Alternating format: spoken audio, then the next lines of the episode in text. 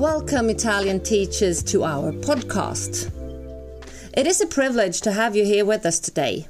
And we can start with you presenting yourselves.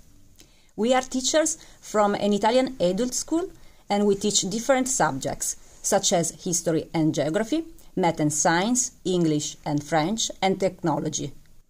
Please tell us about the adult system, uh, education system in Italy. How is it organized and how does it work? Adult education in Italy is part of state education, and the age range is from 16 to 99. Um, it is divided into different study paths. The first one for foreigners who want to learn Italian, the second one for Italian and foreign students who want or need to get a diploma corresponding to Italian middle school.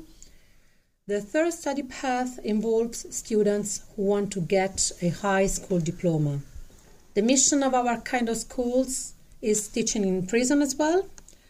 Apart from these classes, we offer courses of languages, computer science, gymnastics, yoga, according to the concept of lifelong learning. That we recognize here as well. Uh, why did you decide to take part in this job shadowing Erasmus project?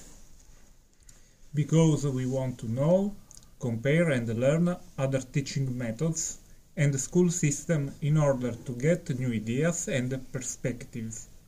Uh, what were your first impressions of uh, Sweden when it comes to Stöllet, Sunne, Hagfors?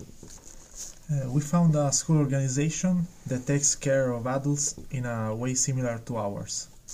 We noticed that students come from different countries compared to ours, and the classes take place only in the morning and the early afternoon, even if the students are workers. We were struck by the organization and the quantity of common rooms. What did you expect from these two weeks? Uh, did it turn out as you anticipated, or was it different in any way? We expected a well organized school system and we found it. We fancied maybe a wider use of IT during the lesson and a larger time slot for classes. What are the biggest lessons that you've learned?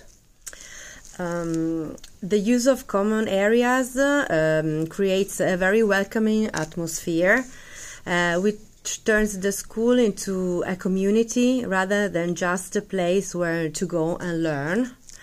Um, another very interesting aspect is uh, the possibility of learning by doing and that you use in your SFI classes, for example.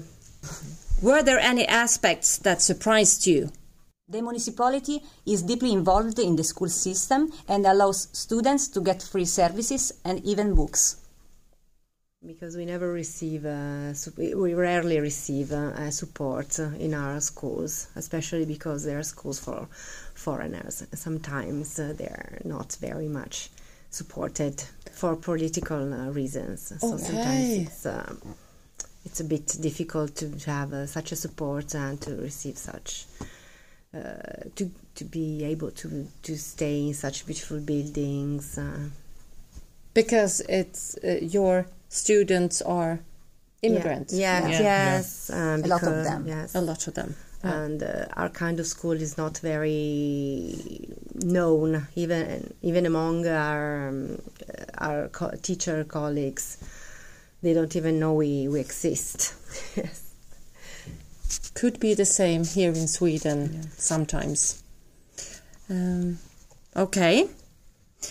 Now, can you think of anything right now that teachers at Folkhögskolan here in Sweden can learn from you and your experiences? It is very hard to find an answer because we don't know the Swedish reality and we live it for a too short time. But as a result of our experience, it could be maybe useful to offer evening and IT classes. Yes. Some final thoughts from you. Um, concerning what you asked about our um, decision to take part into uh, an Erasmus project, um, discussing among uh, ourselves, uh, we discovered that this was a chance for us to think about our our job, about what we do in Italy in our own school, and um, to find out that we we have positive aspe- aspects. We can really um, have positive as- aspects compared to the ones that we met we met here uh, we, we saw here the activities that you pro- mm, suggested us that you let us uh, experience. So we're not can we say that? We're not as bad as we thought we, we were. And uh, it, it was a good, a good a good chance for us to to use this project as, as a mirror for our activities uh, in Italy. And we are glad to see that we have something in common with our colleagues in, in Sweden, and maybe that is what uh, the Erasmus project should should show. Yes, I think so too. Anyone else? No. Then, with these final thoughts, we end this interview. And thank you very much for being here and answering our questions. And thank you again. And hope to see you soon. And bye. Bye. Grazie.